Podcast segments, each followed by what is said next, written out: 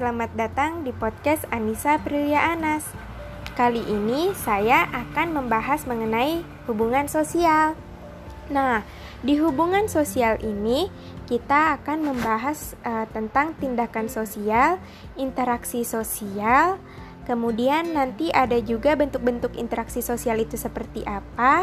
Ada juga eh, bentuk-bentuk uh, keteraturan sosial yang dibagi, yang dibagi menjadi proses asosiatif dan proses-proses yang disosiatif. Dan juga saya akan membahas sedikit tentang organisasi sosial yang ada di masyarakat. Uh, terus mendengarkan aku ya. Oke, yang pertama kita akan membahas tentang tindakan sosial. Nah, seperti yang sudah saya jelaskan sebelumnya, tindakan sosial ini uh, dibagi menjadi empat tipe yang sudah dikemukakan oleh tokoh sosiologi yang bernama Max Weber. Yang pertama ada rasionalitas instrumental. Nah, rasionalitas instrumental ini adalah tipe tindakan sosial murni, yaitu seseorang tidak hanya sekedar menilai cara terbaik untuk mencapai tujuannya, tapi juga uh, menentukan nilai dari tujuan itu sendiri. Nah, yang kedua ada rasionalitas yang berorientasi nilai. Nah, tindakan ini uh, yaitu seseorang tidak dapat menilai apakah cara-cara yang dipilihnya itu adalah cara yang paling tepat untuk mencapai tujuannya ataukah lebih tepat untuk mencapai tujuan yang lain. Yang ketiga, ada tindakan afektif. Tindakan ini dipengaruhi oleh perasaan atau emosi. Tindakan ini sering kali dilakukan tanpa perencanaan matang dan tanpa kesadaran penuh.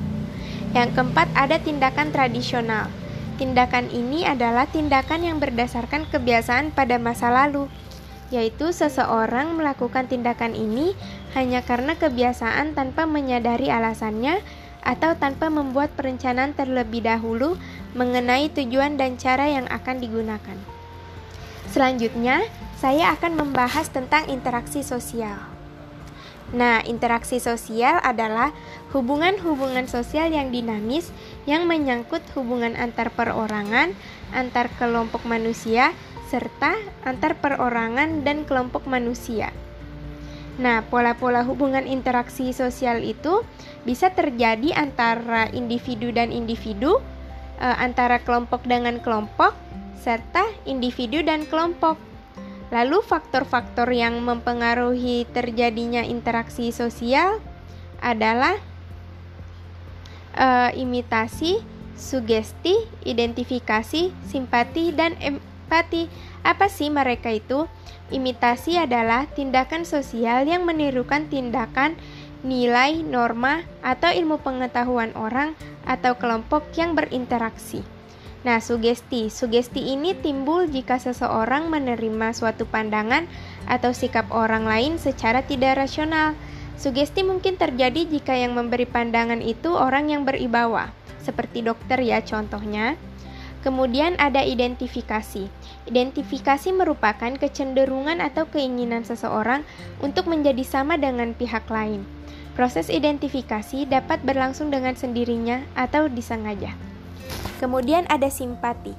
Simpati adalah suatu proses yang menjadikan seseorang merasa tertarik kepada pihak lain. Dalam proses ini, perasaan seseorang memegang peranan penting, dan kemudian ada empati.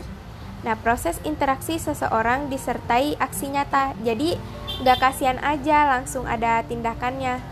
Uh, jadi empati ini hampir sama dengan simpati, namun empati seperti yang saya sebutkan tadi itu dia ada tindakan nyatanya.